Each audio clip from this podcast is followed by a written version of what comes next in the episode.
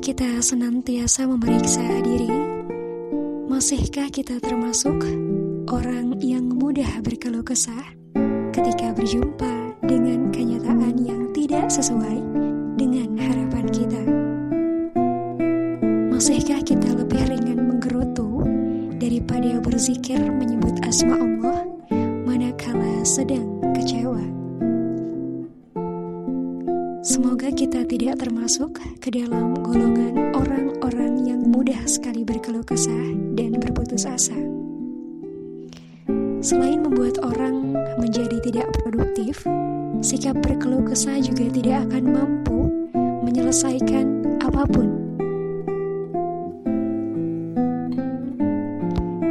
Sikap berkeluh kesah juga tentunya akan melahirkan rasa kurang bersyukur dan orang hatinya kurang bersyukur tentu akan terus diliputi dengan kecemasan dan kegelisahan karena tidak yakin pada jaminan Allah Subhanahu wa taala.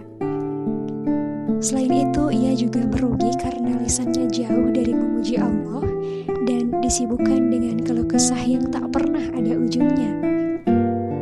Ia pun rugi karena hampa dari peningkatan ibadah kepada Allah karena lebih sibuk dengan mengejar dunia tanpa berpegang pada zat yang maha memiliki segalanya di dunia ini.